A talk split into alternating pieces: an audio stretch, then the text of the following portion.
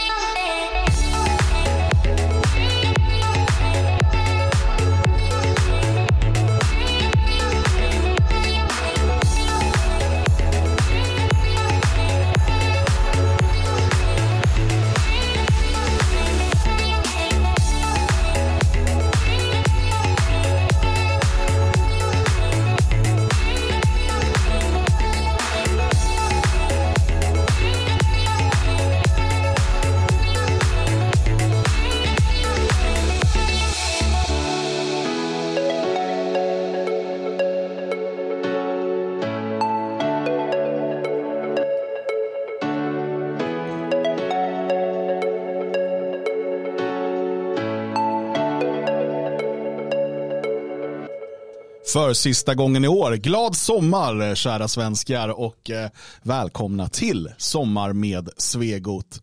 Ja, hur har sommaren varit? Nej, det har inte varit någon sommar i allt väsentligt. Det är, det är ju det man måste någonstans sluta sig till. Nu jag, jag, hoppades, eller jag hoppas fortfarande på sens, för, för höst. Det vill säga september. Det är så roligt när man ser vänner i Tyskland och Ungern. Alla bara, det är sån värme. Mm. Vad ska vi göra? Va? Va?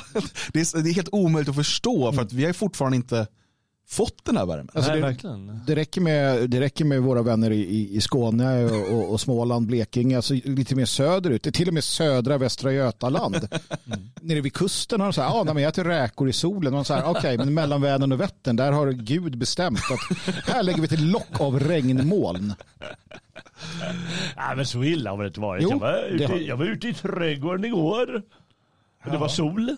Ja. Jo, det, Jo, har någon men det- soltimme här och där. Det, har vi. det, det är Ja. sant. Men, eh, men jag hoppas att du har rätt. För jag minns en eh, sommar när jag började på en skola. Jag tror om det var 2000 eller 2001. eh, 2001 var det nog. Och det var stekhett där eh, slutet av augusti och början av september. Eh, Mm. det tror jag eh, Med stekhet menar jag att det var så här 28 grader. Mm. Något, eh, det bara kom som värmebölja i tre veckor. Det var underbart. Ja, men förra året, eh, den här dagen förra året så var jag på utflykt. Det berättade Google för mig nämligen. Mm, ro- Google Foto. När man Google Foto, det, kom så, ja, men det, var, det var kul, för då fick man ett minne. Och så här. Jag tycker det är vettigt.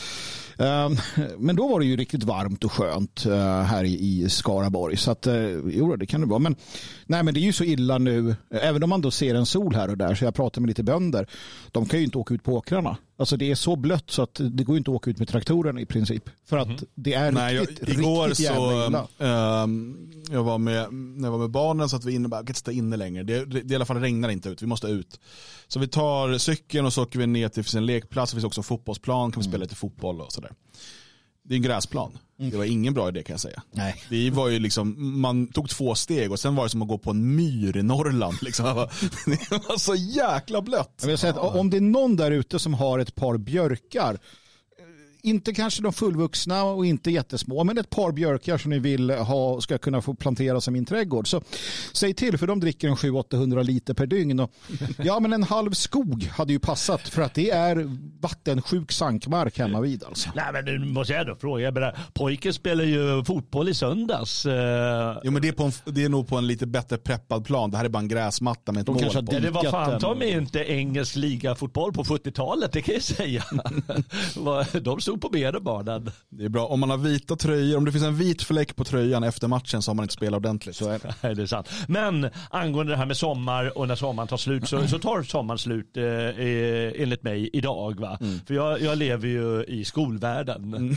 Och eh, när barnen börjar skola då är sommarlovet slut helt enkelt. Ja, då, då är sommaren slut också. Och imorgon börjar ju skolan här i Skaraborg. Ja, och det är ju för jävligt. Va? Det borde ha börjat för flera veckor sedan. Läste ni inte Muammar Demiroks artikel? Jo. Att alla problem i Sverige bygger på att vi har för långt sommarlov. Jag älskar när, när Liberalerna går ut och säger ja men det är åt helvete saker ting. Vi måste hitta något att skylla på. Ah, det långa sommarlovet. För hade vi bara låtit barnen vara i den vedervärdiga skolan några veckor extra så hade de blivit smarta som kineser eller inte vet jag, japaner eller något annat ostasiatiskt folk. är det någon miljöpartist som har varit inne och sagt att klimat, eh, klimatförändringarna beror på det långa sommarlovet? Nej men det gör det också för då går ungarna snart. runt där och, och, och Det bästa vore ju om människor helt enkelt inte var lediga utan bara arbetade hela tiden eh, så att de inte kan hålla på och åka på semester och sånt för det, det skapar dåligt väder. Ja, Ja, det är sant. det är sant. Ja, eh, har det hänt något annat sen sist? Eh, Vi har ju bara kört en gång i veckan nu liksom. Det Det har känns hänt så... massor, Dan Eriksson. Massor. Jaha, berätta. Eh, det har arbetats en del. jo, men det är ju bara... Eh, nej, men det har inte, som sagt, tyvärr, jag hade en massa idéer om utflykter och allt möjligt sådär, men det har liksom varit väldigt dåligt väder. Men däremot så i helgen så eh, var jag på ett riksting här i Svenskarnas hus, eh, deltog, närvarade vid Neogermanska partiets eh, riksting Oh. och fick till och med eh, möjligheten att, att hålla ett litet anförande. Eh, väldigt trevligt. Eh, Var hölls detta någonstans? det hölls här i Svenskarnas hus, en bit här ner. Så jag behövde inte åka särskilt långt. Nej, men jag tur det. klädde mig fint. Ja. Jag har vi sett på Instagram. Ja, jag var ju tvungen att visa det också. Uh, nej, men en, en trevlig, ett trevligt, eh, en trevlig uh, liten sammankomst. Var det fylleslag långt in på natten? Nej, det var psalmsång. Eh, och det var eh, ganska tidig avslutning, god mat, eh, många trevliga samtal. Ja. Ska, om du frågar mig vad, vad en NGP är för någonting. Ja, det undrar jag fortfarande. Ja, en av företrädarna förklarade det som ett passionsprojekt. Okay. Man siktar också på ungefär 20 röster i valet 2026. Eh, Det är härligt. Ja, det- Jag älskar att det finns några med så här, ja men våra ambitioner ligger fall där vi kan nå dem. Ja. Inte som alla andra, vi ska in i riksdagen va? Nej nej, 20 röster. Precis. Hur många medlemmar har ni? 30? Ja. Okej men då, ja men vi räknar med att inte alla kommer rösta Nej, men man på vill ha färre medlemmar, än, eller man vill ha fler medlemmar än röster. Ja. Absolut. Nej, eh, sen, eh, men jag, jag, jag, i mitt anförande så pratade jag mycket om, om tiden i eh, Europa. Alltså tidigt 1900-tal. Där just den här typen av eh, sammanslutningar som är som en annan, eller en, en, en företrädare, han talar om det som ett passionsprojekt. Um, den typen av sammanslutningar var väldigt vanliga uh, där man träffades i grupper om, och hade idéer och tankar och, och, levde på ett visst sätt och så vidare. Jag, jag tycker det är väldigt, det är väldigt gemytligt om inte annat. Um, och det görs också med en förståelse för um, för den egna, alltså den egna rollen någonstans. Så det är som, som du säger, det är inte att man liksom, nu ska vi ta riksdagen här, utan, utan det, det, är, det finns någonting annat över mm. det hela. Så det är trevligt. Spännande. Jalle, har du haft för någonting speciellt senaste veckan eller? Nej, Nej. jag har verkligen inte haft det. Nej. Nej. Bara arbete och förkovring i litteraturen. Ja, faktiskt. Ja. Mm. Någon måste offra sig. mm. Mm. Ja, nej. Eh, själv satt jag igår och, och det är så konstigt för det finns saker jag tycker jag har läst så mycket om och man har liksom intresserat sig för vissa ämnen under lång tid. Mm. Och sen finns det saker i det här ämnet som man bara helt har missat. Förbisett på något sätt. Jag vet inte varför. Men Igår satt jag och skrev en artikel eh, för danieriksson.com där jag skrev om en debattartikel i Aftonbladet men jag skulle ge lite bakgrundsinformation och sådär. Och då hamnade jag på Hjalmar Mer. Vad tänker ni Hjalmar Mer? Nu vill jag glänsa. Jo, oh, jag vill så du, gärna du säga. Du vet vad jag kommit fram till här. ja. Men förutom det så är han väl kanske i Sverige mest känd för eh, almarna, rivningen av Klara kvarteren, mm. eh, hela den här rivningshysterin. Eh, han var eh, stadsborgarråd eller eh, så tror jag i Stockholm och vän med Olof Palme, högt uppsatt sosse och sådär. Hade du sagt så här, uh, bara utan att vi hade pratat tidigare så hade du sagt Hjalmar Mer och då hade jag sagt, ja, känner igen namnet så hade du sagt Kla, då hade jag sagt Klara kvarteren, men där ja. tar det slut också. Ja. ja. Men det, han kallades för Almar ner utav de här som vill ha kvar almarna eh, i Kungsträdgården. Men, men det är liksom det är Hjalmar mer och, och, han har blivit lite av en så här symbol för eh, just rivningarna utav Sveriges stadskärnor, mm. även om han då framförallt handlade om, det var om Stockholm. Eh, under den här rivningshysterin på 60 och 70-talet. Eh, men då hittade jag, och det här hittade jag på Wikipedia, det här är alltså inga hemligheter, jag bara visste inte om det här. Eh, han var alltså kack, panrej åt Ilja Ehrenburg. Det är så jävla det, här, det, här, det, det finns så, det, Alltså på riktigt, det är inte jag som hittar på det här eller bara så här, du använder det som ett skällsord. Utan ja, han, var... han var alltså då gift med eh, Liselott Lina Meijer. Mm. Eh, och eh, hon var då också Ilja Ehrenburgs älskarinna med hans goda minne. Han visste om detta och hade godkänt detta. Eh, och han och Ilja Ehrenburg, Hjalmar Mer och Ilja Ehrenburg var också personliga vänner. Han var så bokstavligen hanrej eh, här. Ja, I och för sig fick de mer barn vad jag vet. Så att, eh, men, mm. men utöver det. Han lät sin eh, fru ha sex med sin, hans kompis då. Alltså, det, var inte ens, det var inte ens bara det att han sa, nej men det är klart att min fru kan ha killkompisar. Ja det är inte, inte bara att han var dum som nej, man. Nej, nej, han, han, visste om han detta och var okej okay med det. Han sätter och på henne. Ja, och fortsatte vara vän med Ilja Ehrenburg. Och det blir också intressant när man tänker på vem Ilja Ehrenburg är, alltså författare, propagandist och så vidare eh, i, eh, i Sovjet.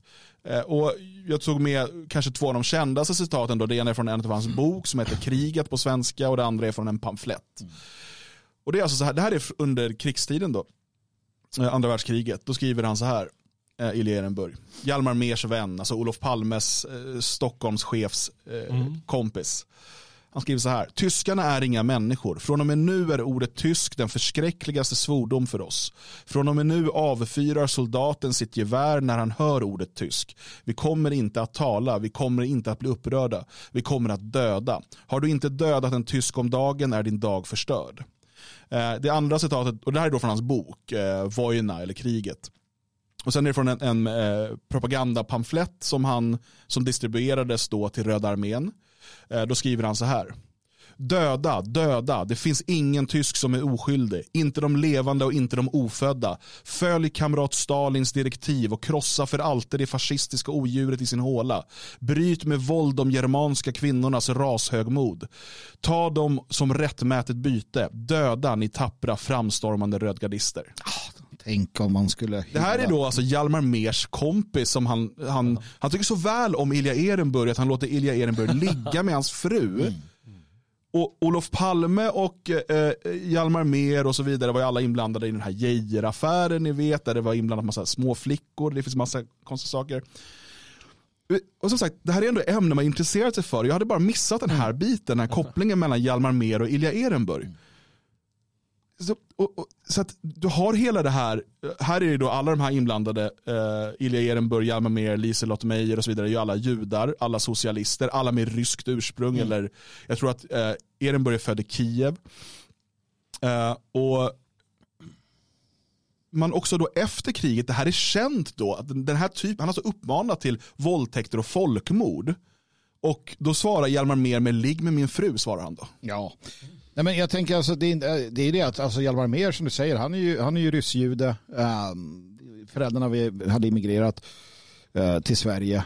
Och det är, de här, det är den här typen av gäng. Alltså någon form av, det är nästan som sådana här, ja, men det, det, finns ju olika typer av gäng som dyker upp. Vi har ju eh, uh, Nils Ferlin och de här bohemerna som satt och diktade och drack öl och, och, hade sina liksom, relationer. Vi har i andra länder den här typen av cirklar som uppstår. Här har du en som är med ryssjudar och socialister som uppstår.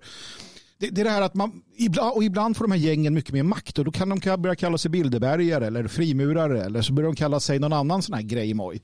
Um, och, och, så har de mycket mer makt och mer pengar. Men i, i grund och botten handlar det egentligen bara om att ett antal personer med ungefär samma idéer och tankar kommer samman. Och det här brukar uppstå kring Eh, kring William Blake hade sitt gäng av anhängare och så vidare. Det kan hända allt möjligt där.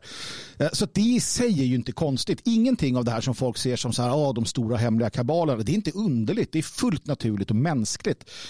Eh, men just att, att de här får den makten, den påverkan i politiken och så vidare och sen har de sina sjuka grejer för sig. Eh, och generellt sett så skulle jag tycka att det var obehagligt att ha en kack som eh, säker, med säker, tillgång till säkerhetsklassade uppgifter och liknande. Jag tror inte det är rätt. Och, Men, alltså, man, alltså, Ilja Ehrenburg, då, en av Sovjets främsta propagandister, Alltså bara att, då ett, att Stockholms stadsborgarråd är personlig vän och har den här typen av sexuell relation med en sovjetisk, alltså någon som står så nära den sovjetiska makten. Jag, jag, för mig det bara börjar så bubbla i huvudet och att eh, nej, vi går och röstar på sossarna, de verkar bra. Men det är där man, det är där man förstår också, just de här kopplingarna. Det, det kan, alltså, mellan svensk socialdemokrati och, och sovjetisk kommunism, jag menar de, de var ju kompisar. Även om Palme delvis politiskt i alla fall försökte hålla armlängds avstånd och liknande. Men det var ju ja, men alltså Anledningen till att man till exempel motverkade kommunisterna i, eh, i Sverige via IB-affären och så vidare. Det var ju för att de utgjorde ett hot mot makten. Mm. Precis. Det var inte en ideologisk strid i första hand. Nej, nej, nej. Herregud nej. Ja, men det är intressant. Det här var väldigt, jag tyckte det var väldigt bra uh, skrivet. Jag hoppas att väldigt många Uh, in och läs. Ja men faktiskt, gå in och läs och dela med er. Och det, det här är någonting jag har jag vill bara uppmana alla att om ni trycker gilla på någonting som Svegot eller vi gör, alltså det här hjärtat, tryck också på den här dela vidare. För att jag märker att i många fall så vill man, man gillar gärna det här, men man verkar inte ha någon avsikt att dela vidare. Så att flytta musen då en, en mikromillimeter åt vänster tror jag det är och så kan du också dela vidare. För att det är viktiga saker. Otroligt. Nu ska jag dela någonting vidare. Ja. ja. För det är nämligen så att det inte bara är eh, vi som har slut på sommarlov nu utan även passningen, eh, Sportpodden som länge har legat på svegot.se. Eh, de finns nu på passningen.se. Oh. Nej, är det sant? Så går man in där så kommer man till de poddarna och de hade premiär här eh, i går eller i förrgår. Eh, en smygpremiär som de kallar det för att mm. Henrik Hanell som är programledare normalt sett, han skulle hålla på att fira sin 40-årsdag nere i Frankrike. Nä. Så vi får väl säga grattis i efterskott Frankrike. till Henrik. Är han bara 40? Ja, jag vet han ser ut som 70. Men ja. Det, ja. och i Frankrike också. Är någon jävla frankofil? Vad fan är det som händer? Germaner tack. Så att um, de, de menade här att, eh, att det var en smygstart då eftersom att den riktiga programledaren inte var där och styrde upp det. Men det var ett bra avsnitt ändå. Uh, så in på passningen.se och lyssna på Sveriges enda politiskt inkorrekta sportpodd. Jag gör det nu. Ja, gå in och kolla. Vi, vi håller program här. Det här är ju som sagt vårt sista sommarprogram. Och varför är det det? Ja, för att sen är det ju tillbaka igen. Just det. På riktigt. På för er som missat det så är det ju alltså, det är någonting på gång. Oj, oj, oj.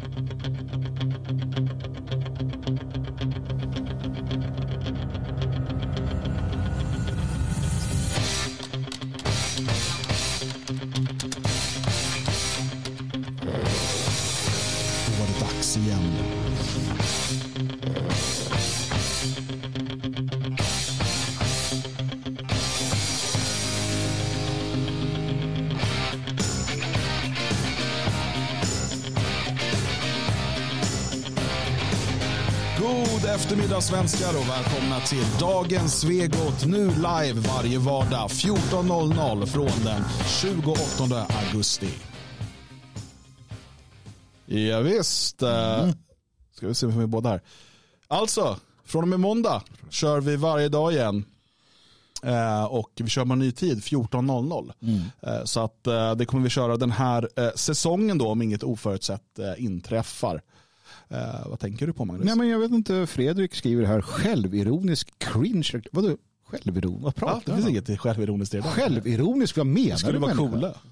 Det där var ju en cool, vi såg du inte hur cool den ja, var? Ja, vi är hårda hård och cool och så här uh, Eye of the Tiger. För fan, vadå ja. självironisk? Jag fattar ingenting. Vi skulle visa oss på vår absolut coolaste sida. Det var ju sida. så, ja. Nej, jag vet inte. Jag är sorgligt att du trodde det. Jag vet inte vad du är för människa, Fredrik. Mm. Ja, vi ska snart prata om eh, SVT-propagandan, eh, men jag vill ändå att vi följer upp någonting vi pratade om ehm, förra veckan var det ju. Mm det går så snabbt eh, när det gäller det här så att jag, man eh, blir lite, man tänker att det gått mycket längre tid men det har det inte. Och jag pratar ju då om Oliver Anthony, eh, eller Chris Anthony som han faktiskt heter egentligen. Oliver Anthony var hans pappa och det är en hyllning till hans far att han kallade sig för det. Oliver okay. Anthony Music var hans kanal. Aha, okay. Han har skrivit ett långt personligt brev om där han berättar exakt vem han är och vad han jobbar med och sådär. Det är väldigt, det är mycket med honom som ändå känns genuint. Mm. Eh, och det, det gillar jag. Och eh, Vi pratade ju här då i förra veckan eh, om den här eh, Richman North of Richmond. Eh, och eh, ja, lite farhågor också inför vad, vad kommer hända med honom nu. Mm. och Vi kan ju bara då gladeligen meddela att än så länge så verkar han hålla fanan högt. Mm. Mm. han tackade nej till ett uh, skivbolagskontrakt värt uh, eh, 8 miljoner dollar. Uh, och uh, fortsätter istället att spela på bondgårdar och golfklubbar och, liksom, och utan att ta betalt. han har en donationsinsamling under sina spelningar som går till välgörenhet för bönder i North Carolina. Mm. Alltså, det är som att än så länge spelar han väldigt många kort rätt. Han gör också, gör också en grej av hittills då, vi får se hur länge han orkar det här, eh, att han kör en sån här meet and greet efteråt. Och han stannar och låter alla liksom, få chans att berätta sin historia och sådär. Så att eh, nyligen så eh, spelade han, eh, vi kan låta det rulla lite i bakgrunden här. Ehm, och eh, han eh, eh efter det så satt han då i fyra timmar bara mm. för att prata med folk. Mm. Eh, och det är tusentals människor som, som kommer ut dit. Och han eh, eh väljer eh, att, eh, och det här är ju ganska kort efter då att det blivit offentligt att han har tackat nej till de här 8 miljoner dollarna. Då väljer han alltså att inleda sin eh, konsert genom att läsa ur Bibeln mm. med ett passande, passande passage. Mm. Ska vi se. Everything is meaningless. What do people gain from all their labors at which they toil under the sun? Generations come and generations go, but the earth remains forever. The sun rises and the sun sets, and it hurries back to where it rises. The wind blows to the south and turns to the north, round and round it goes, ever returning to its course. All streams flow into the sea, yet the sea is never full. To the place the streams come from, there they return again. Is there anything of which one can say, look, this is something new? It was here already long ago. It was here before our time. No one remembers the former generations, and even those yet to come will not be remembered by those who follow them. I saw the tears of the oppressed, and they had no comforter. Power was on the side of the oppressors. And I declare that the dead who had already died are happier than the living who are still alive. But better than both is the one who has never been born, who has not seen the evil that is done under the sun. Och så här fortsätter han då innan han spelar sina låtar eh, till publikens eh, jubel. Eh, och eh, jag tycker det är väldigt intressant, mm. Eh, inte minst med tanke på de farhågor vi haft. Och han har ju ställt upp i lite intervjuer och sådär. Såg en intervju med Fox News och han verkar väldigt liksom sammanhållen och sådär. Mm. Eh, återigen, han, nu är han ju uppe i ett high så att säga. Han mm. liksom lever på de här ångorna av att allt går så himla bra. Och och så. Men han, uppenbarligen fortsätter han beröra många människor. Hans video med Richmond, North of Richmond har över 31 miljoner visningar. Och det är bara den, då har vi inte räknat in alla reaktionsvideos, alla som har kopierat den och sådär. Uh, och det har gjorts massa covers och uh, det, det, är um, häftigt. Jag såg uh, några av de här tråkiga typerna som var missunnsamma redan förra veckan och fortsatte ju några på Twitter där. Jag såg en ett, ett, ett fruntimmer, ja, kristen för sin del och, och, ganska vettiga postningar generellt sett skrev att ingenting som blir så här stort och berör så många människor så fort kan vara bra. oh, kände lite så här, vad fan nu får vi väl kanske ta och hitta andra angreppspunkter. Men i alla fall. Jag tycker det är kul att han läser, jag tror det är från predikaren han läser. Och det är ju en fantastiskt knepig bok i Bibeln. Väldigt mycket highs and lows eh, och en del självmotsägelser också, vilket är kul i sig. Men det jag ska komma fram till är att uh, det, det krävs en människa med en ofta religiös eh, övertygelse för att stå emot den här typen. För det, det, som händer är ju det, och det, det är ju det som Bibeln säger så fint, att djävulen är som ett lejon, ett rytande lejon som går runt oss hela tiden och försöker att på olika sätt och vis locka oss till eh, förbrytelse, synd, alltså lagbrott. Um, och lockar oss genom pengar och, och framgång och sex och allting. Uh, och att säga nej till 8 miljoner dollar mm -hmm Uh, utan att ha satt upp en egen. För att han skulle kunna tjäna mycket mer om han satte upp en för sig själv. Mm. Men att han inte gör det och att han då gör och, och delar med, med sig vidare. Problemet är att jag tror väldigt många, även inom vår sfär och så, tänker att det finns något suspekt med det här. För att ingen människa kan vara så att han ger bort pengar till farmare och inte tar för sig själv. Men jo, det finns sådana människor och ofta är de genuina och kommer från liksom eh, ja, samhällets tassemarker där de sitter med en bibel och en eh, flaska whisky och en gitarr och en cigg och funderar. Det finns, no, det finns genuina människor kvar. Mm. Äh, det jag tycker är intressant är ju Bortsett från det här eh, bangen de där 80 miljonerna. Förhoppningsvis så får han in det någorlunda på, på annat håll. Det har han väl gjort sig förtjänt av. Men man, man blir ju man blir förstörd av pengar också. Va? Ja, ja. Det är faran. Men det häftiga är ju att det vanliga när man eh, gör en spelning. Det är att man gör sin spelning och så får man sitt gage och så drar man. Ja, mm, Medan mm, som du säger, han, mm. han har ju de här tillställningarna där han faktiskt pratar med människor mm. och, och, det blir som en helt annan grej än det vanliga. Mm. Det, jag vet inte om... Han kommer ju dit också, går igenom publiken och hälsar på folk, så nästan som en politiker eller en, mm. en, en, inte politiker men nästan som en, nästan som en frälsare. Finns ju risker folk, med det här. Ja, ja absolut. Jo, det finns jättestora risker. ja. uh, och det finns ju folk som har ett plakat till och med, vet, Oliver Anthony 2024, du vet och sådär. uh, men han verkar inte ha några sådana ambitioner, vad man vet än. Vi får, alltså, det är så oerhört färskt fortfarande. Mm. Och han är ju bara en människa. Mm. Så det är klart att allt kan stiga honom mot huvudet ja, också. Just, just. Uh, men det är väldigt att än så länge stå emot och och faktiskt eh, göra, än så länge vad jag har kunnat se, sätta fötterna rätt. Eh, jag tänkte bara på det också, för det, när vi pratade förut då om den här låten och huruvida vem hade skrivit den och så vidare. Eh, där har ju han berättat själv och det kan man ju också gå tillbaka bara i hans eh, liksom Facebook-flöde se.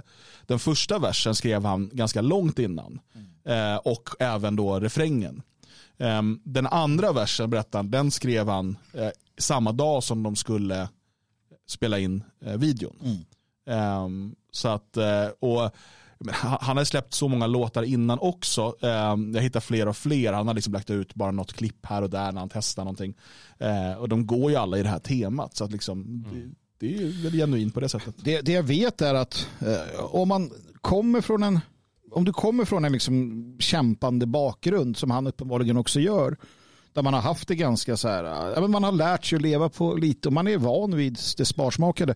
Då, det, då tenderar man också att kunna, alltså, jag, jag, jag, är lite så här att man, jag tittar lite på hur vi har arbetat och, och hankat oss fram och jag menar det, det, är klart att det har kommit erbjudanden om att så här, ja, men vi kan göra så här så kan ni hova in miljoner på pressstöd och vi kan göra så här och så. Men man, man kommer till en punkt någonstans efter en massa års av harvande att säga nej, min integritet är så mycket viktigare och jag har levt så här i 30-40 år.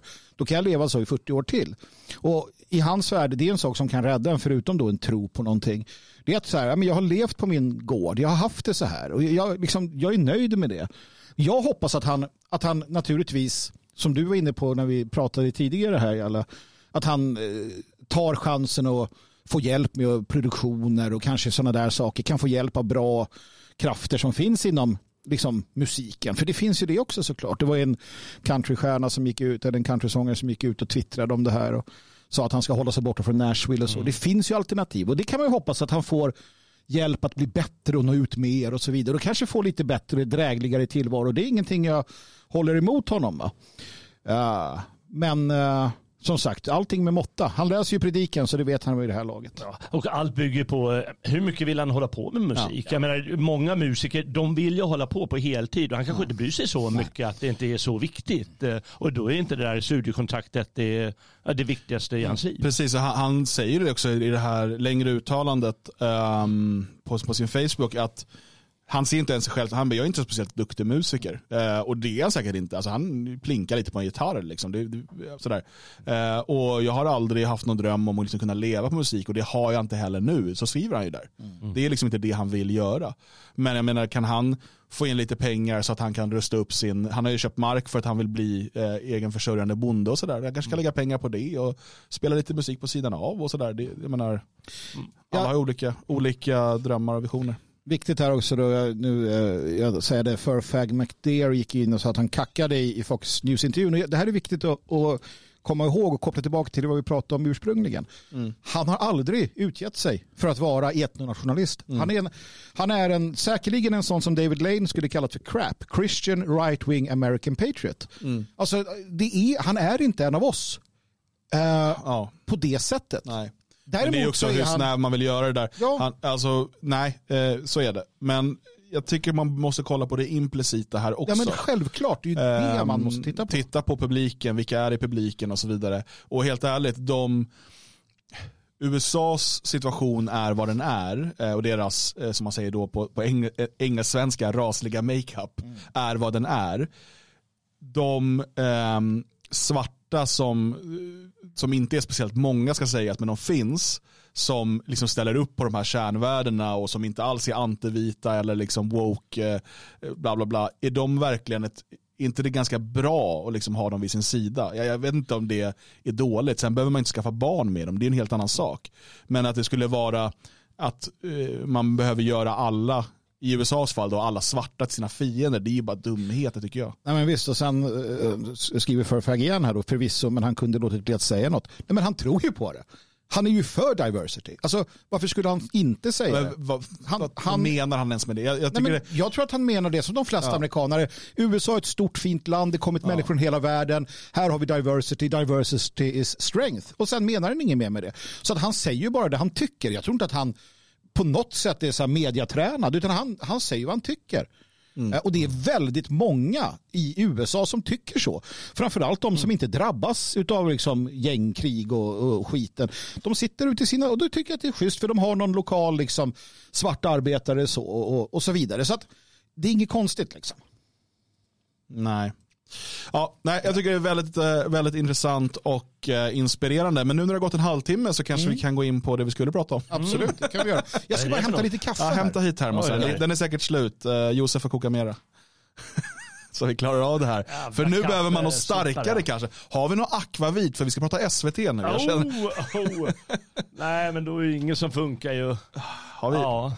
Absint ska... kanske? Ja, verkligen. Nej, men något riktigt rävgift alltså. Som en, Fanns han kvar eller? Aj, aj, aj, aj. Ja, då får vi kaffepåfyllning här. SVT. Nej, vad ska vi plåga oss för? Ja, jag vet inte. Det här är ju någon typ av självspäkande beteende här som vi håller på med. Mm. Kaffekasken är här. Mm, bra. Ska vi straffa tittarna också? Ja, de, oh. de, kommer, de kommer få hänga med nu när vi ska prata SVT. Vet ni att det är jävligt bisarrt att se det här sidifrån? När, när jag stod och hällde upp kaffe och såg er prata Eh, alltså utifrån sett i studion, ni pratar liksom och jag hör nu hörde jag ju båda idag, men, ja. men det är något så konstigt att det blir som att här händer någonting som jag inte riktigt... Nej, det var kul. Nu är jag här, nu är jag en del av det också. SVT, vad fan! Ska vi prata om det nu? Det Ja. tycker jag. Kan vi passa på att bara göra lite reklam för vår eh, idékonferens eh, konferens, eh, här eh, 30 september. På, eh, du kan gå in via detfriasverige.se och klicka på banden högst upp så kommer det. Den heter Fria ord. Vi har eh, sex stycken eh, intressanta eh, debattörer plus en snygg moderator eh, som inte är moderat. Eh, och eh, det kommer bli en väldigt intressant och lärorik dag eh, med många eh, trevliga människor att eh, träffa och nätverka med. Eh, och eh, jag hoppas verkligen att så många av er tittare och lyssnare av Sommar med Svegot och Dagens Svegot dyker upp där. Och det är så fiffigt att om man bokar sin biljett nu innan augusti är slut då liksom säger vi så här, då får du superbilligt. Det är jättebilligt ändå med tanke på vad det är. Men 195 spänn kostar biljetten. Oh, det var ju gratis. Det är, alltså det är ju ingenting. Det är, det är, får knappt en biobiljett för det då. Eh, och då har du sex stycken intressanta eh, nationalistiska företrädare på scenen. Ehm, eller nationellt sinnade åtminstone. Ehm, ni två kommer ju vara med och, och debattera men även då Jeff Ahl, Henrik Jonasson. Eh, vi har ju då Urban som skriver ibland på, eh, på Sveting. Eh, och Jonas Nilsson från eh, Palestra Media. Det kommer bli eh, väldigt, väldigt intressant. Vi ska prata eh, strategier för en svensk framtid. Så att se till att vara på plats i Svenskarnas hus den 30 september. Och för att kunna få plats dit så behöver du boka din biljett och det kan du göra inne på detfriasverige.se. Det finns också några platser kvar i sovsalarna om man så vill bli kvar över natten och det kan man boka då samtidigt. Det tycker jag att man ska göra. Jag kommer att eh, plagiera eh, lite grann till mitt anförande har jag kommit fram till nu. Eh, plagiering är ju den högsta formen av smicker. Eh, så att det kommer bli så. Spännande. Men hörni, SVT sa vi. Eh, och eh, vi behöver, vi behöver prata om detta odjur ännu en gång. Och eh, vi kan börja med att prata om söndagens agenda. Agenda är ju då, det ska ju vara då SVTs djupdykande aktualitetsprogram där man, det är liksom, ja men då ska man verkligen gå på djupet i viktiga frågor för Sverige. Och det, det har en, alltså bland opinionsbildare och politiker så har agendan en ganska hög ställning. Det är liksom ganska viktigt vad som sägs där. Ja, de, får ju dit, eh, de får ju dit höga chefer, myndighetspersoner, politiker till del exempel. chefer kommer när de inte är höga också. Ja, ja absolut. Det, Det händer. Det händer. Och, och, eller fulla, vi hade ju hon där en gång. Men jag tror hon var lite full då. Strandhällan. Då. Men eh, här ser vi ju den trötta, mycket trötta. Har ni sett vad han har blivit fårad sedan han blev statsminister? Ja, verkligen. Stackad och krymper gör han också. Men nu var ju Ulf Kristersson där. Och ehm, då eh, passade man ju på att fråga om viktiga saker om Sverige. För Sverige. Eh, framförallt om Richard Jomshof. Just. För det är det som händer i den här intervjun och vi ska inte kolla på hela, absolut inte. Eh, det är alltså att man pratar eh, 20 minuter tror jag att det är. Som hon Kvartoft här försöker prata om Richard Jomshof. budskap och falska berättelser. Och var och en av oss bär nu ett stort ansvar, skrev du då på sociala medier för ett par veckor sedan. Eh, dagen efter skrev Richard Jomshof, ordförande i justitieutskottet i riksdagen då, eh, den nu så omtalade tweeten får man väl ändå säga, där han säger att profeten Muhammed är en massmördare, eh, slavhandlare och rövare. Kan- Kan vi bara Vad, där vad tycker du om att pausa? han skrev så? Att Jag bara tänker, låt oss bara ha det i åtanke nu. Vad skriver han? Han skriver Islam, denna antidemokratiska och det är, den är antidemokratisk. Jo. Den är våldsförespråkande. Ja. Den är våldsförespråkande. Kvinnofientliga religion. Ja, det skulle nog de flesta tycka att den är kvinnofientlig. Eh, och den är grundad av en krigsherre. Ja, det stämmer. En massmördare. Ja, han har dödat fler än tio personer. Nej, vad är det? Fler än massmördare är fler än Sen är ju x frågan, antal jo, men, personer i samma tid. Det är ganska kul, det finns en som har frågat någon sån här AI. Rövare. Var eh, profeten Mohammed en massmördare? Nej men det kan man inte säga för man vet inte hur många han personligen har mördat. Utan han, däremot liksom att han kommenderade mord på många, det är en sak. Men så här, och sen frågar de direkt efter, var Hitler en massmördare? Ja, han låg bakom eh, dödandet av 6 miljoner, du vet. Ja okej, för att om man inte kan kalla eh, profeten Muhammed för massmördare så kan man inte kalla Stalin eller Hitler eller Pol Pot eller någon för det. Nej. Om de inte då personligen har massmördat. Precis. Eh, för, och det, för det där det är ju sånt jäkla hårklyveri då att nej men ja, han kanske ledde trupperna som då eh, satte eld på byar, Mm. våldtog kvinnor och, och, och, och massmördade människor. Men han själv, han var ju lite längre bak. Jo, precis. Sen skulle man ju kunna säga att mord och döda är två olika saker också. Mm. Men nej, han är en massmördare. Och vi har, haft, vi, alltså, vi har ju kungar, våra egna kungar som kan räknas som massmördare. Jo, men alltså, precis. Det är ju ett- ett begrepp man kan Jag är använda. Eller jag menar, alltså, ja, sådär. Eh, slavhandlare, ja. Eh, rövare, ja de tog klart. saker som inte var deras. Jag Ja, menar, ja, definitivt. Så det är alltså sant. Det är sant. Ja, och det är klart att det är ehm, polemiskt utformat. Av en anledning. Eh, det, han vill ju väcka uppmärksamhet. Men det som man då här, och Kvartoft när hon håller på att hänga kvar vid det här hela tiden, försöker göra, det är ju att egentligen göra då sanningen något du inte ska säga ifall någon tar illa upp utav det. Precis, eller om fel, om, om en farlig person tar illa upp så ska du hålla käft. Det är agendan i Agenda, när Agenda blir till Pravda. Ja, ska jag säga. Ja, jag har ju sagt gång på gång att jag tycker alla ska besinna sig. Vi har väldigt stor yttrandefrihet i Sverige och var och en får själv ta ansvar. Men man ska också vara medveten att det man säger kan få konsekvenser. Allt som är lagligt är inte lämpligt. Jag har lite svårt att förstå den här idén att man avsiktligt ska förolämpa varandra bara för att det är lagligt att förolämpa varandra. Ja. Besinna er och tänk på Sveriges och svenskars säkerhet. Varje gång du Eh, ja, Magnus, jag tänker bara att ibland finns det en poäng att göra det bara för att man får. Precis. Just om någon ifrågasätter, ska vi verkligen ha rätten att göra det här? Okej, då ska vi förolämpa varandra nu för att visa hur viktigt det är att vi kan göra det. Alltså, use it or lose it. Nej, men det är någonting, eh, något, någonting annat här också. Alltså, det, är så, det är så vanligt att det twittras ut att eh, islam är fredens religion.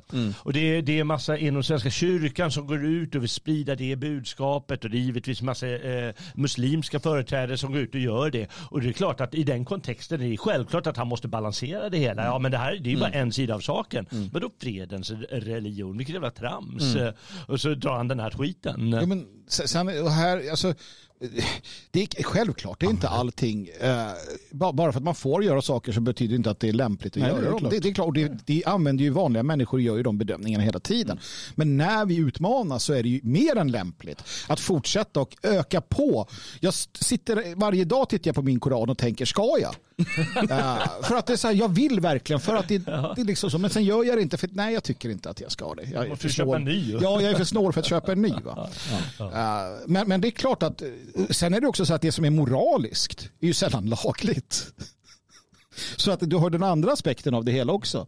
Bara för att något är lagligt betyder det inte att det är moraliskt och bara för att det är Nej. moraliskt och så tvärtom. Nej men precis, och eh, det som händer i den här intervjun sen det är ju då att Ulf Kristersson gång på gång säger att jag kan inte ta ansvar för vad Richard Jomshof skriver. Eller vad liksom enskilda riksdagsledamöter skriver. Eh, och, men han säger ju också att han tycker inte att det är bra att skriva så här. Men hon fortsätter och fortsätter. Ja. Och det blir så uppenbart här att Agenda har en agenda. Alltså att det finns, det hon vill göra här, det är att få Kristersson att säga någonting som gör Sverigedemokrater upprörda.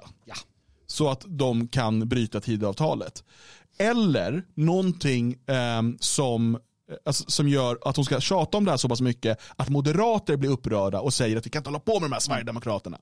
Hon har en agenda att försöka slå in en kil i det här regeringsunderlaget. För att det är, alltså det är helt rätt och riktigt att hon ställer den här frågan. Det tycker inte jag är konstigt för den har varit väldigt omdebatterad. Men det räcker med att ställa den två gånger, inte 2011 som hon gör i det här.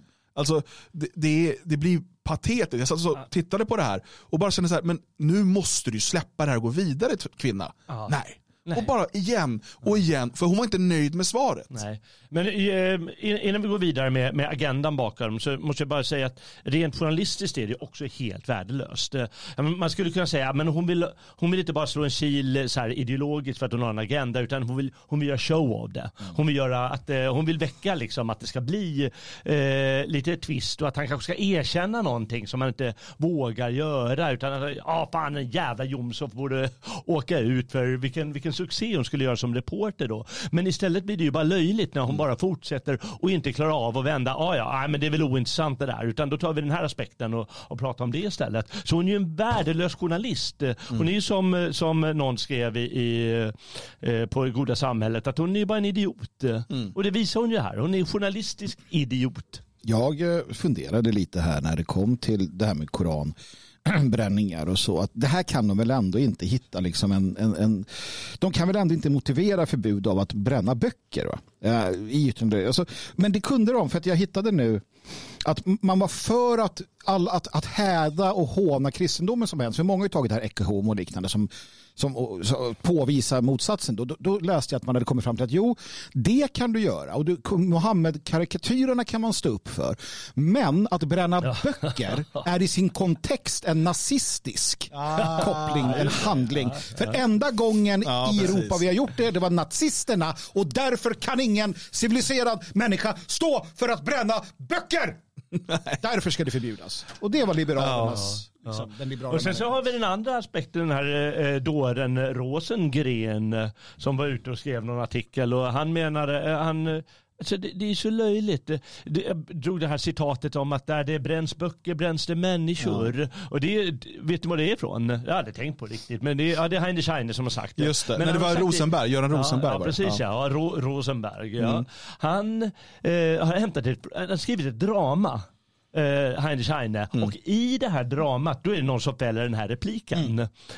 Ja, men det är ju inte Heine som säger det utan det är personer i pjäsen som säger det. Det är ju som att ta det från en film. Ja, men i Rocky 4 då säger han eh, bla bla bla. Ja, eller, eller att då hävda att, eh, alltså att tillskriva citaten till en, en skönlitterär författare.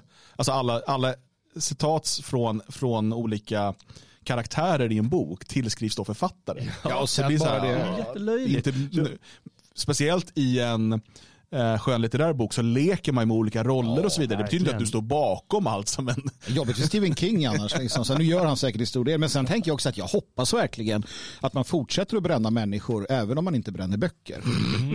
Ja, du, får, ja, men du är Ja, men emot alltså- vanlig begravning. Nej, men jag, tycker, jag tycker kremering är jättebra. Ja, jag vill helst eh, snabb, snabb alkemi. En ännu en replik på det här och det är ju att, eh, läste någonstans att eh, ja, men det, bokbränningen är inte så jäkla allvarlig för muslimerna. Utan det här att trampa på boken, det är den värsta blasfemin. Det är det de verkligen tar illa upp. Vet, och det är därför de alltid är står och trampar på grejer där eh, i, i de här länderna. Och det är för att det är, den, eh, det är verkligen förnedra. Men det är väl också att, att kasta en toffel eller en sko på, på någon tror jag också Mm, är det är en enorm förolämpning. Ja det är det säkert. Det ska jag göra på Men, Mohammed men, jag men det här har ju redan alla konstaterat. Att, att vi kan inte, jag menar, för, förbjuder vi koranbränning, det kommer liksom inte ändra någonting. För det finns det något annat de är upprörda över. Ja. Man eh, attackerade Charlie Hebdo och sköt, sköt de här eh, illustratörerna och medarbetarna för att de hade målat. Eh, då måste vi förbjuda konst också då. Ja, Utan, och det, det man får komma till i sådana fall, det är någon typ av hädelselag då, där det blir förbjudet att göra någonting som hädar mot eh, antingen en specifik eller mot alla religioner.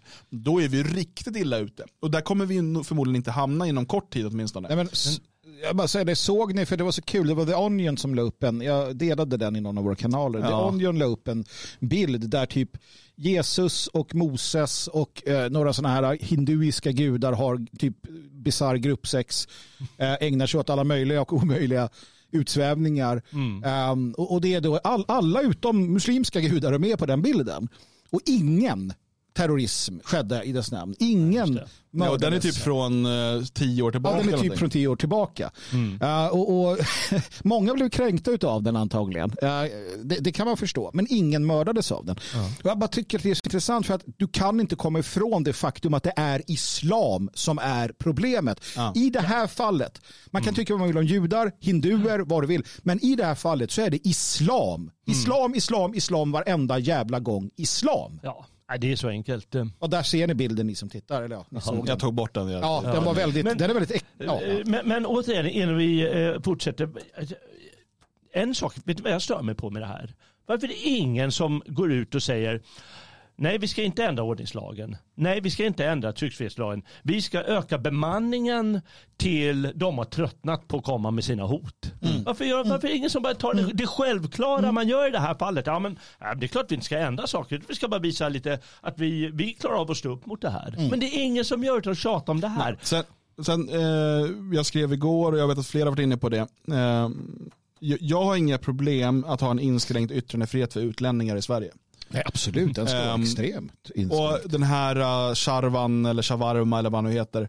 Uh, som ju har liksom en hel del underliga kopplingar mm. till miliser, i, alltså shia-miliser och sådär.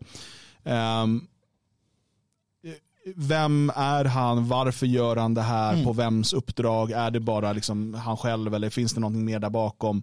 Um, och så att och, och, att man då ska låta en utlänning gång på gång liksom hålla på så här. Mm. Nej, det tycker jag inte. Men om en svensk eh, vill eh, stå utanför en ambassad och bränna en koran så är det hans fulla rätt att göra det. Ja. Hur töntigt eller liksom patetiskt det än är.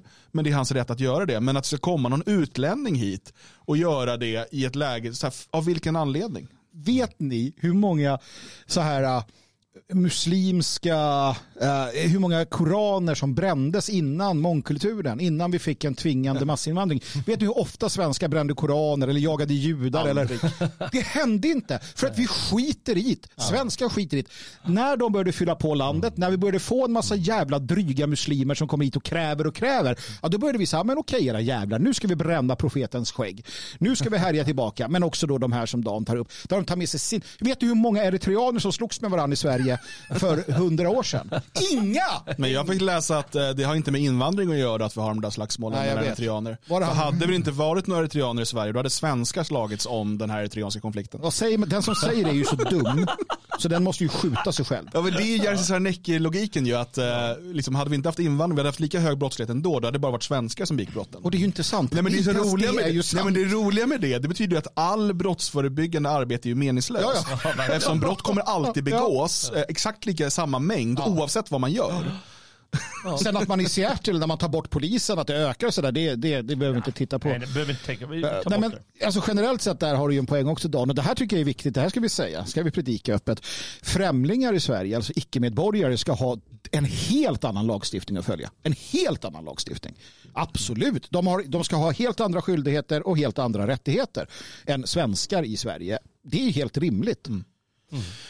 Um, precis, och alltså, hon fortsätter bara här. Alltså, som sagt, det är närmare 20 minuter av att hon tjatar om Jomshof. Förtroendevald, dessutom med en post som ordförande i justitieutskottet, jag sprider den typen av allmänt att förtroendevalda människor bör föregå med gott exempel. Men jag tänker inte ta på mig ansvar som andra individer måste ta ta på egen hand. Den eh, största arabiska nyhetsförmedlaren mm. Al Jazeera mm. eh, har ju bland annat uppmärksammat det här eh, uttalandet. De skriver här då mm. att, att justitieutskottets eh, ordförande har förolämpat eh, profeten. Och? Fan. Al Jazeera, bara, det, det, här är alltså finansierat av terrordiktaturer. Ja, alltså ärligt talat. Alltså, Tänk om hon hade suttit så bara, ja, alltså i ett helt annat sammanhang så bara, ja, och nu har ju de här människorna förlämpat Gud. Gud är ju, har ju, vadå profet, för i helvete, ja, men, och, det är ju en och, och, Låt oss då ta till en, um, en konflikt där media och politiker är överens, Ukraina-Ryssland. Ja. Ska vi verkligen uh, säga det här nu om Putin? Idag skriver Russia Today, uh, så här, bla, bla, bla. Det skulle de ju aldrig göra. Nej, för det är inte bra för bilden av Sverige i Ryssland. Mm, nej. nej. för då har ju man bestämt sig att med Ryssland vill vi inte ha något att göra för de är dumma och onda. Mm. Däremot, eh, liksom, eh, så här, Qatar och Saudi, ja. och så här, mm. där måste, det är viktigt att de tycker mm. väl om mm. oss, för de är, de är ju goda demokrater precis som vi. Mm. Ja, jag säger fortfarande det att det, det, som, det enda liksom det enda som tröstar mig i det här uh, det är att om de här vänster, sådana som hon, den här kärringen då, alla andra som, som liksom håller på så här, om de verkligen fick som de ville, låt oss säga att det blir så. Det slutar ju med att islam på ett eller annat sätt tar över och får makt. Mm. Det första islam gör, det är att nacka dem. Inte oss. Alltså, vi, vi har bättre ställning än vänstern och kommunister och liknande. Mm. Det är det första man gör sig av med. Ja, ja, så att, kanske hinner jag själv se de här svinga i, i galgen innan de då skjuter en annan. Då. Så att det är den enda trösten. De har ju lite inslag här också. Bland annat pratar de då med eh, klappturken eh, Nalin Pekgul som numera heter Nalin Baxi. Är hon gift med Kurdo Baxi eller? Inte De bröder, det kan vara både och i och för sig, förlåt. Vem är pappan? Det, det är Kurdo till, till Nalin, de är också gifta och syskon. Uh, nej, vi får kanske få avsluta det här programmet med att kolla på någon klappar Vi måste igen. se Klappturken, det är det bästa som finns. Absolut bästa Eh, någonsin. men sen hoppar de över till en moderat-turk, eller ja, han är inte turk, han är väl eh, irakier eller nå- något liknande. Han är inte moderat längre heller tror jag. va? Men han är också shia. Men, Upp för min eh, religion. så här då. Det var eh, mitt i natten, alltså typ eh, halv tre, som jag blev kontaktad av eh, svenska ambassaden. Men tyvärr, tiden var så pass kort, vi hann inte. Eh, Demonstranterna var väldigt snabba på att eh, storma in ambassaden.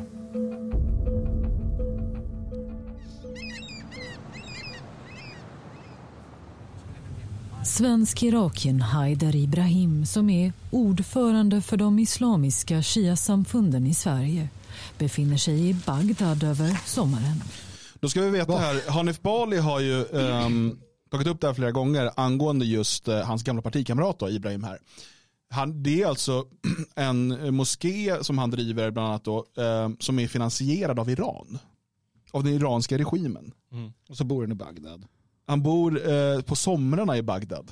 För det är väl varmt och skönt då, eller något. Eh, vad, vad gör han? Var, och varför, varför presenterar man honom? De försökte ringa mig, men alltså som att, är han någon officiell liksom, utpost för Sverige i, är det ett samarbete mellan regeringen och Iran? För liksom, ja, det, det, det, så många frågor. Och med en fot i Irak och den andra i Sverige där han tidigare bland annat varit moderat kommunpolitiker har han under sommarens korankris agerat som länk mellan Sverige och religiösa och politiska företrädare i Irak. Som sagt, offentligt. Ja, men precis, offentligt vem har anställd? gett honom den rollen? ja. Vem? Svara! Ja, men, Men svara! Jalle, vem? Fan! Eh, SVT. Ja, SVT. De har plockat mannen De på känner sig gatan. kränkta och besvikna på och ledsna på allt det här som har hänt hittills. Eh, de eh, ställer stora frågor och eh, stora frågetecken på varför allt det här händer i Sverige just nu.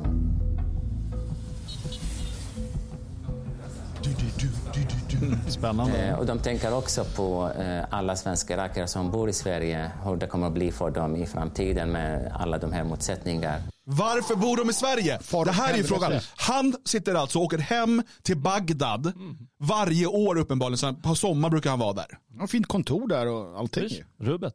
Och de sitter, vadå? Och irakierna oroar sig för irakierna i Sverige. Hur ska det bli för dem i framtiden? Ja, det ska bli resa hem. Ja, det ska det bli. Alltså, uppenbarligen kan man bo och leva i Irak. Ja. Och om de nu är så oroliga för sina medborgare eh, och sina, sina folkkamrater i Sverige, Bara ta hem dem. arbeta för att få hem Mm. dem igen då. Men det gör de ju inte eftersom att de är en del av en längre plan om att islamisera Europa. Alla, alla politiska uttalanden som tjänar till att vi på något sätt måste ordna problematiken i Sverige är förräderi, inklusive SD. Säger man vi ska ordna integrationen, vi ska ordna så alla kan bo här, då är man en förrädare för alla ska ut. Sen kan det ta sin tid och det kan vara problem på vägen. Och det, men slutmålet måste alltid vara att vi ska ha ett svenskt Sverige. Allt annat är förräderi och det ska vi påminna de förrädarna om. Det känns liksom att det är inte är det bästa klimatet för dem just nu. Bra, Men fortsätt. som troende muslim har Haidar Ibrahim också själv blivit djupt påverkad av koranbränningarna. Den här boken är väldigt viktig för en stor del av svenska folket. Det är 10 procent svenska muslimer. Tyst. Vi måste stanna här. Ja. 10 procent muslimer, är alltså en stor del av svenska folket. Han har bara usurperat. Han har bara sagt, men jag, nu är jag svensk. Nu, är- alltså, Ja, men ibland är de svenska irakier, ibland är de irakier, ibland är de svenskar. Precis. Beroende på kontexten, eh, vad som passar. Vad som, nej, inte vad som passar, vad man tjänar på. Precis, Allting handlar om precis. en sak hos den här människorna. Det är vad tjänar jag på? det faktum att vi har 10% det här är väldigt, väldigt obehagligt. Jag tog upp det i Härden, eh, en podd som jag har på härden.nu. eh, Där jag skriver om just vad som är på gång. Och folk fattar inte. 10% det är exakt, för det finns, det finns förutsägelser om detta. Det finns när du tittar på olika nationer, vad händer vid olika procentsatser? Islam är så jävla förutsägbart. Eh, Att du kan se det. Och 10 procent då händer precis det som nu händer. Det som händer nu är precis det som ska hända vid 10 procent. När vi är uppe i 15-20, då är det helt andra saker. Och fattar du inte det, då har du ett extremt stort problem framöver. För då är det våld, mord, det är miliser, det är eh, ja, ett, ett eh, elände utan dess like. Ja. Och det kommer. Ja, och det är därför, just för att de nu har eh, byggt upp sig till de här 10 procenten som han hänvisar till, som de börjar ställa den här typen av krav nu. Att nu ska lagarna anpassas efter islam. Eh, s- så enkelt är det och det här är ju precis det som eh, jag menar, vi och många andra till och med innan oss har varnat för. Ja. Så här kommer det bli. Eh, alla som har liksom intresserat sig för de här frågorna på något sätt vet att så här kommer det bli. Det, så enkelt fungerar det. Demografi är ett liksom, öde på det sättet. Att om demografin förändras så här pass mycket så kommer också Sverige som land, som stat, som samhälle att förändras därmed. Och nu börjar man ställa den här typen av krav för nu anser man sig vara tillräckligt många. Hade man eh, hade det varit så att den, de här koranbränningarna hade skett 1986 när Sverige hade 10 000 muslimer eller något i den stilen. Du hade inte hört ett ord om det. Nej. Nej. Vi hade kanske hört lite vänsterkvinnor som var ute och grät och sa sådär. Ja. Men det hade inte kommit de här kraven på att vi ska ändra lagar och sånt. Absolut inte. Nej, men att se bara det. Vi, vi har hållit på nu, och det här är intressant, vi har hållit på så pass länge med det här vi gör. Att man ser tydligt. Vi har till och med pratat om det. I början när vi började sända, vi pratade om, jag menar för då var inte, om det, alltså det var 10-15 år sedan, då var, inte, då var alltså bönutrop, det var inte tillåtet. Nej. Eh, minareter vet jag fan om de hade. Jag minns att vi pratade om ett, ett var de som ville bygga det och då Vi- sa de. Precis, Eh, vi, vi hade ju också en sändning, vi hade ju folk på plats när det första bönutropet var eh, i Fittja. Just det. Och, och det skulle byggas som minaret och då sa ju den, den imamen så här, nej men det är ju bara en, alltså det är bara fint, vi, vi kommer aldrig använda det här till något annat. För, eller först så sa han att de skulle inte ha någon minaret. Sen kom de på lite senare att de ville bygga till en minaret. Sen kom de på åren senare att de skulle ha bönutrop. Och, och vi, man sitter där och bara vet att, och då vet vi att det följer på det, det som följer.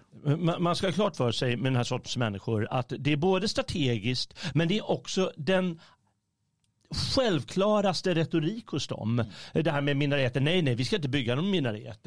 Att bara blåljuga om Ja. det, han vet ju att de ska göra det. Ja, det är klart. självklart. Och samma sak när den här eh, eh, nissen, fullständigt förljugna människan, när han säger att muslimer är inte välkomna, de känner sig inte välkomna i Sverige längre. Han vet ju att han blåljuger, men han skiter ju i det. Är det människor som står med plakat utanför hans jävla dörr och skriker åk hem din jävel? Nej det är det ju inte. Vi vet ju att det inte är det det handlar om, utan han han blåljuger om verkligheten för att få igenom sin vilja. Bara för att tjäna på det, tjäna på det, tjäna på det. det allting handlar om det. Det är ju också, till och med i den här heliga boken för dem då, så står det ju att du ska, Ja, du ska utnyttja. eh, du ska ljuga. Mm, Ja. ljuga. Eh, takia kallas det. står till exempel så här då. Den som förnekar Gud efter att ha antagit tron, inte den som är utsatt för tvång fastän hans hjärta förblir tryggt sin övertygelse, utan den som frivilligt öppnar sig för otron. Sådana människor ådrar sig Guds vrede och hårt förväntan. Uh, just det. Detta är ett undantag vad gäller en som säger uttalanden av misstro och verbalt håller med mushrikin, alltså icke-muslimer, eftersom han är tvungen att göra det på grund av den misshandel och smädelse som, till, eh, som han utsätts för. Men hans hjärta vägrar att godta vad han säger och han är i verkligheten i fred med sin tro på Allah och hans budbärare. Det finns massa sådana exempel då i, eh, i eh, Koranen och det kallas då för takia. Alltså eh, rätten och till och med plikten att ljuga om det på något sätt är bra för, för islams utbredning. Jag vill jämföra det med eh, ett citat ur Eddan. Om ont du ser, säg då att ont det är och ge ej din fiende frid eller fred. Det andra är från Bibeln där man konstant då, som kristen eh, uppmanas att du ska vara ärlig, öppen, inte ljuga, inte förneka.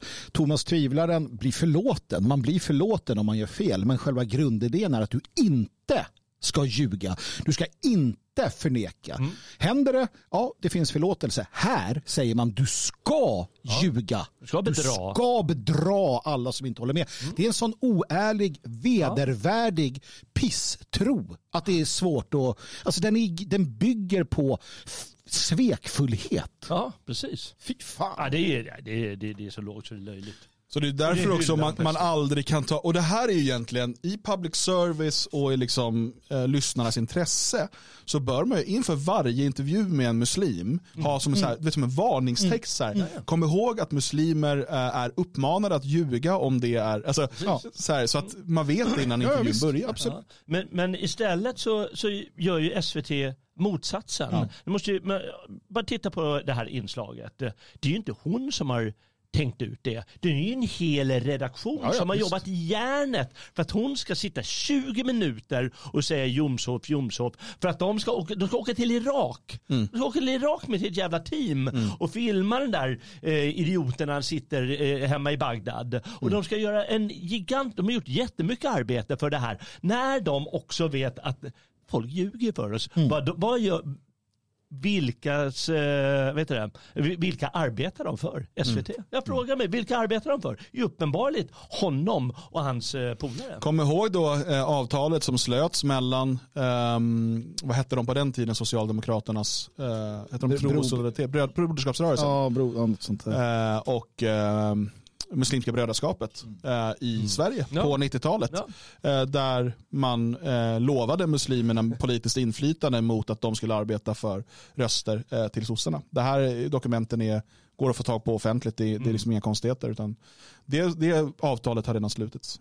Det känns att eh, svenska muslimer är inte välkomna i samhället längre. Och det verkar att vi har hamnat i en ond spiral eh, och, och det här bara fortsätter. Kom ihåg det nu alltså att om Sverige envisas med att ha kvar yttrandefrihetsgrundlagen så som den ser ut idag, då är det att muslimer inte är välkomna. Ja, det är det. Och det här är också klassiskt, det här är en typ av takia också, där du liksom tar den här offerrollen för att den kommer tjäna dig. Så att han vet ju själv att han, han brer på något oerhört här och överdriver och i det närmaste ljuger. Men eftersom att det tjänar islams syfte så kan han göra det och SVT är gärna hans megafon. Ja, ja visst. Ja. Nej, men det där är som sagt värt att komma ihåg. Precis. Oj, oj. Jag tycker att man skulle inte tillåta eh, bränna böcker generellt eh, och eh, alla heliga eh, skrifter oavsett om det är Koran eller Bibeln eller skrifter. Taurat. Så jag tycker att någon ändring som regeringen själv har föreslagit, de håller på att analysera ordningslagen. Det här kan vara ett sätt Det där, Mm. Eh, Alltså det med ordningslagen handlar ju då ifall att en, och det, det här är en, det är en jävla Pandoras ask de skulle öppna om de skulle, nu ska det utredas och bla bla bla. Jag tror lite grann att det är för att köpa sig tid. Ja, kan vara. Eh, men, men vi får se. Vi ska ändå hålla ögonen öppna och vara, eh, ett, höja ett varningsfinger. Men för det man vill få in då är att man ska kunna neka en demonstration, en ansökan om det hotar eh, svenska medborgare utomlands eller något i den stilen. Ehm, och, och svenska intressen utomlands. Och det, där, det är väldigt farlig väg att gå. Ehm, men det är inte att det ska bli förbjudet att bränna religiösa skrifter. Det är inte det det handlar om. Nej, men det, det här blir ju en... Eh, och det var det vi tog upp det som. Jag, det var därför jag, alltså jag kände att det här var, det är nästan, alltså jag menar att det, det, är näst, det blev nästan värre när de skulle gå, när Strömmer sa att de skulle titta på ordningslagen. Det blev lite, jag tyckte det var mer obehagligt än om de hade sagt att vi ska ändra på grundlagen. För att det här handlar om att man vill smyga in det på ett sätt som gör att det blir liksom osett för de flesta. Eh, Och, och då får du en, en lagstiftning som blir ännu mer HM, alltså som HMF-lagen, sån här gummiparagraflagen, att kontext hit och dit och det är domstolen, polisen som avgör. I, I det här fallet skulle det då alltså bli polisen som avgör innan någonting har hänt huruvida du ska tillåta det. Det är ju censur Ja. snarare än, än att, att i efterhand då bes- bestämma om det har skett ett brott. Utan då säger man att nej, du ska bränna, du vill bränna Koranen men du vill göra det under vissa omständigheter som inte är okej. Eller ännu värre, att så här, ja okej, vi ska titta på det och så ska vi prata med Säpo. Och sen ska vi ha hemligstämplad kommunikation där Säpo säger, kanske, nej, det är farligt för svenskar utomlands. Just det, Förbjud och du ska inte ha någon möjlighet att ta reda på vad det handlar Nej, om. det kommer du aldrig få veta, för det är ju Nej, Säkerhetspolisen, precis. eller. MUST. Ja. Ja. Och jag menar, vad är sambandet? Ja. Eh, Hur, hur ska man kunna sluta det sambandet? Ja, men det är fara för folk utomlands. Men det går ju att hitta på vad som helst Ja, där. men då blir det ju det som vanligt. Polisen, ordningspolisen, den vanliga polisen, de vill ha lugn och ro. Mm. Så de kommer bara säga, Säpo sa nej. Ja. Och han, eh, den här araben, han pratar ju om en ond spiral. Alla vet ju att eh, den onda spiralen som kommer hända, det är att ju nästa steg, ja men om jag målar en teckning på uh, Mohammed, Ja, som inte faller några på läppen. Är det nästa steg? Det Ja, det också, Ja, Men det kan ju uppröra folk utomlands och sätta folk i fara utomlands. Så, så varje uttalande Ja, ja. om islam som de inte sanktionerar, det kommer hända. Allting. Alla vet det. Det är precis så. Ja. Och, och, det är så som, och samtidigt så kommer de bli 15 procent. Vi kommer få se formeringar av miliser. 20 procent. Vi kommer börja få se attacker mot eh, andra muslimer som inte håller med och mot svenskar, mot staten, Men alltså, kolla mot här, kolla här. Under tiden vi har den här patetiska debatten i Sverige Mm. så brinner kyrkor i Pakistan och kristna jagas på gatorna Mm. för att man misstänker att någon kan ha vanhedrat en koran där. Just det. Har Sverige hotat med att dra in bistånd till Pakistan för det? Absolut Självfallet inte. inte. Därför att de jobbar för muslimernas sida, SVT fattar du väl. De Och den skjuter, svenska med, regeringen. de skjuter med Kalashnikov i man Marseille. De De- bränner kyrkor i Frankrike, i Sverige, De, i alltså, de stormar in på en gudstjänst i Frankrike Mm. och skär halsen av en präst. Skär huvudet av en präst. Ja. Skär huvudet, skär, Ja, man alltså, tar bort huvudet. dekapiterar en präst. Allahu akbar. Det leder inte till nå- några liksom krav på är- muslimska länder eller organisationer. Ja, Jomshof som är problemet. Ja, ja, jag måste säga att eh, tidigare har jag berömt eh, tidningarna för, för eh, jag tycker ganska enat i pressen att eh, deras eh, redaktioner och de flesta debattörer som släpps in, de säger att man kan inte fortsätta på den här vägen som eh, regeringen går. Va? Man måste ha yttrandefrihet, måste, eh, vi, vi måste stå fast här. Vi kan inte släppa mot eh, terrorister och så vidare. Eh, Men jag måste säga att eh, jag börjar frakta dem nu som inte bara säger, alltså lägg ner det här, alltså med en hårdare ton. Alltså släpp det där med ordningslagen, gör det ni ska istället. Eh, De får faktiskt börja skärpa sig lite. Jag vill att eh, vi ska börja använda orden mycket mer. För att inom islam så är man livrädda för en demon som har ett öga och som är, eh, när, den, när dens renässans sker, när den vaknar upp så kommer det vara slutet för, eller början på deras undergång. Jag vet att en, en god vän i USA hade problem med de muslimska fängelsegängen för att han var odinist eller de tyckte att det var obehagligt. Så att framför Oden, mer Oden mot islam Ja. helt enkelt. Ska vi göra en sån t-shirt? För Oden mot islam. Med, od, med, Med Oden, Oden. mot islam. Och sen den enögda demonen. Det gör vi. Kommer Det kommer efter sändning. någon, gång, någon gång efter sändning. Men alltså, den här propagandan i SVT eh, tar sig många olika uttryck och det är inte bara då i Agenda, också i självklart Rapport och Aktuellt och de här programmen. Eh, för jag, jag, jag tänker inte ens liksom nämna eh, underhållningsprogrammen och deras propaganda. För det är så uppenbart för de flesta tror jag. Eh, senaste liksom, humorsatsningen är att Özz Nujen flyttat till Östermalm och måste leva med alla stela tråkiga svennar. Ehm, och hur det ska gå för honom. Men, men eh, det, det är ändå en separat varelse mot eh, nyhets och debattprogrammen. Som ju faktiskt ska på ett helt annat sätt vara neutrala. Eh, och det fina när man eh, har ett sånt stort eh, nyhetsprogram som Aktuellt eller Rapport, det är att det handlar inte bara om vad man säger, utan vad man inte säger. Vilka nyheter kommer med? För man kan presentera nyheter ganska neutralt, mm så, men så kanske man väljer bort vissa nyheter. Och då får man ändå en bild av hur världsläget ser ut genom bara de nyheter som väljs ut.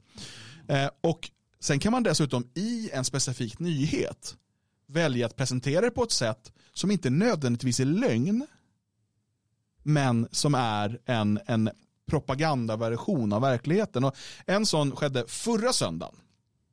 Eh, I eh, både Aktuellt och Rapport fanns det här inslaget med. Eh, och det skriver man om då på i allmänhetens tjänst som ju granskar eh, public service. Eh, och eh, det går då under rubriken fler utrikes födda i arbete.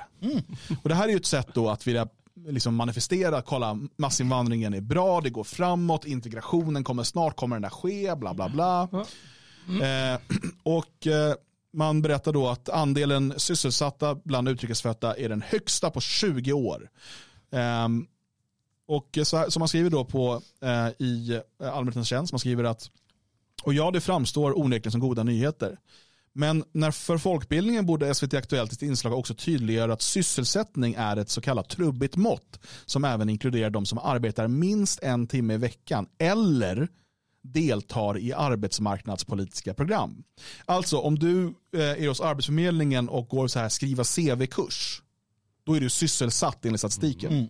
Det, det, betyder inte, eller om du går och får ett låtsasjobb, eh, du vet om de sätter bara för att du inte ska liksom bara gå hem och drälla. Så något så här skattefinansierat larv så är du då sysselsatt. Och det kanske är någon timme om dagen som du går ner till någon sån här eh, gemensam eh, syjunta och du vet, sortera kapsyler. Du vet, sånt som till och med är under fängelsenivå i liksom arbetsvariant.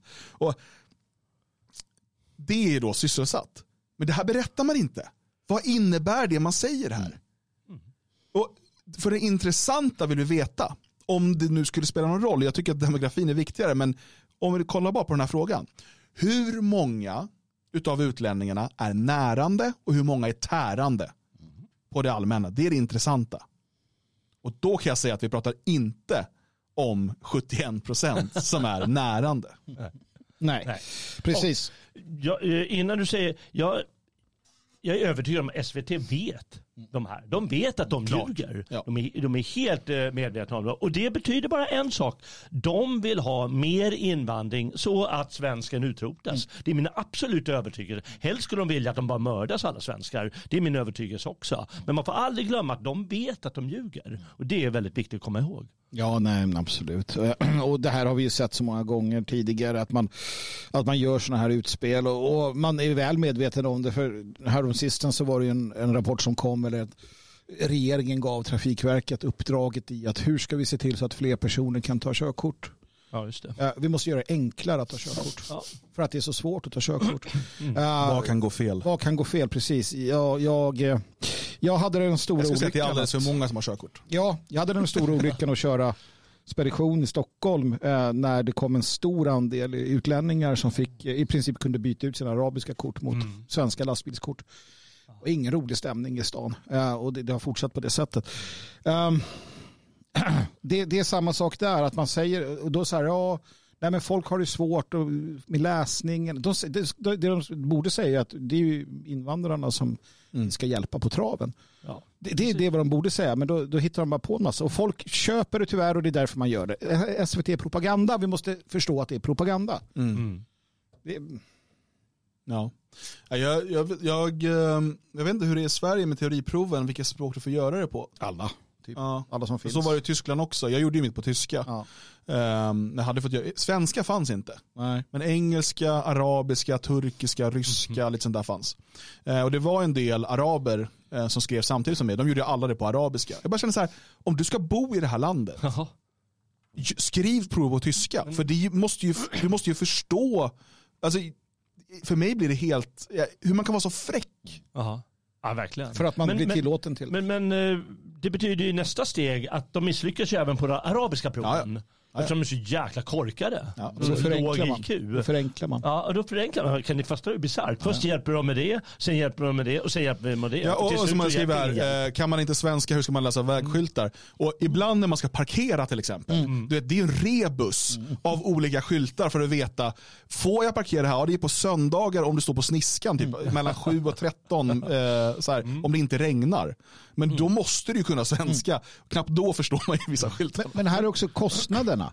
Man måste förstå det. Sannolikheten att någon av oss eller alla er som lyssnar att vi själva eller någon nära eller kär kommer dö på grund av det här mm. man gör med körkorten ja. är ganska hög. Eh, och, det ska komma ihåg att, och då ska vi komma ihåg att när det händer, jag säger inte om utan när, och jag, jag, det är sorgligt att behöva säga det, så kom ihåg vilka som är ansvariga. Ja. För du pratar om det här att de vill döda ja, oss och så vidare. De är helt okej okay med att med att några barn blir ihjälkörda ja. av någon ja. stissig jävla liksom, eh, ja, möna människa. Jag frågar så här. Om, för någon måste ju ändå ha eh, dragit den slutsatsen. Om de får göra körkort på arabiska, Eh, inte klarar det på svenska, okej, okay, då låter vi dem göra på arabiska. De klarar inte det heller. De, eh, de ger dem ännu enklare, klarar inte det heller och sen så till slut ger de körkortet. Vem vill ha det landet? Det är min fråga. Mm. Och när man kommit på den frågan, varför vill man ha ett sådant land? Det är då man börjar komma på vad de är ute efter. Mm. Det måste ju vara något sånt. Men här har man ju försökt sätta upp under år efter år. För som de säger, skriver här i chatten, vad händer med nollvisionen då? Men det man har gjort under årtionden är att sätta ett, ett vattentätt skott mellan massinvandring, folkutbyte och allt annat. Så att du kan säga, ja vi har, så att nollvisionen finns kvar. För det handlar ju inte om att det är ut, alltså det är dubbeltänket, det Orwellska dubbeltänket. För att du kan prata om samhällsproblemen, det har vi kunnat i alla tider, men du kan aldrig få sätta det samman med det här andra som händer. För det är vattentätt skott mellan och det är då vi har de här problemen. Om vi skulle kunna bara helt sömlöst kunna titta på det här problemet och massinvandring, klart. Det här problemet, massinvandring, klart. I, i kanske 85 procent av alla problem. Ja. Ja, vi hade ju tänkt att prata om Hanna Sjös eh, första artikel på Sveating idag, men jag tror att vi får skjuta upp det och kanske ta det nästa vecka då eller så. Ja, det är Om hennes andra artikel då eller? Ja, kanske. Vi får se. Jag hoppas hon har publicerat mer då. Ja, det är på Eh, gång. Men jag tänker att eh, alla som inte har gjort det, gå in på sveting.se. Det finns ju massa att eh, både eh, läsa och lyssna på där. Och, eh, då har du bland annat då eh, Hannas första artikel eh, som eh, heter Var inte ditt barns bästa vän. Publiceras den 17 augusti. Eh, Så kan vi uppmana alla att läsa och det finns mycket mer att läsa där också som sagt. Och Tycker du att det är viktigt med den typen av eh, forum för idé och kulturdebatt? Tycker det är viktigt att vi eh, kan producera ljudböcker och den här typen av texter. Eh, gå in och bli prenumerant på Sveating också. Det är bara då det görs möjligt. Vad vill du säga Jalle? Jag vill säga, upprepa det du så klokt sa förut, eh, att eh, i eh, de publikationerna som görs varje dag, då finns det ofta en liten ruta där det står share på, eller dela. Och du pratade någonting om det förut. Det är mycket enkelt att trycka på den knappen och dela med sig till andra. För det är också viktigt att det kommer in mer folk som, eh, som börjar läsa det här. Precis, och det uppdraget eh, ligger på oss alla egentligen. Att dela med oss och skicka till vänner och, eller om man håller på med sociala medier, dela där, berätta för folk. Eh, vi har ingen, eller ja, vi har verkligen noll marknadsföringsbudget. Eh, utan den bygger på att vi alla hjälper till. Eh, ekonomiskt eller, el- och eller med delningar. Eh, eller om man är duktig på att skriva. Då hjälper man till på det sättet. Hej, jag vill jättegärna skriva. Ja, Då det finns ju en eh, text om det på Sveating. Ja. Som just går ut på att alla kan göra någonting, inklusive du. Du. Ja, just visst, du. just du. visst. du. Du. Nej, nej Då- inte då- du. då skickar En man sista, på, en sista påminnelse, fria ord 30 september, in och eh, boka biljett. Jag vet att mer än hälften av biljetterna är redan borta. Eh, Så vila inte på hanen, utan se till att boka din plats. Och bokar du här nu under den här månaden, innan den tar slut, eh, 195 spänn för att delta på den här. eh, Ja, det är, jag, jag såg eh, en eh, motsvarande konferens inom ett annat, en annan genre Ja. så att säga. Men det var, ganska, det var lite färre talare. Eh, och den skulle pågå bara i tre timmar. Troligtvis sämre också. Tre timmar, det gick ingenting förutom, det var tre timmar, det var tre, fyra föreläsningar och ett panelsamtal. Ja. Då var det lilla paketet, där det bara ingick inträde, 3990. Jaha. Jag bara säger det, och det var bara svenska talare och sådär. Det var alltså inte ett politiskt event, det var inom eh, teknik. Men Jag är Ändå. så långt ifrån den verkliga, verkliga världen när det kommer till prissättningar och, och liknande. Um, jag inser det varje gång. Så att eh, 195 spänn om du bokar nu, annars blir det 3990 efter första september.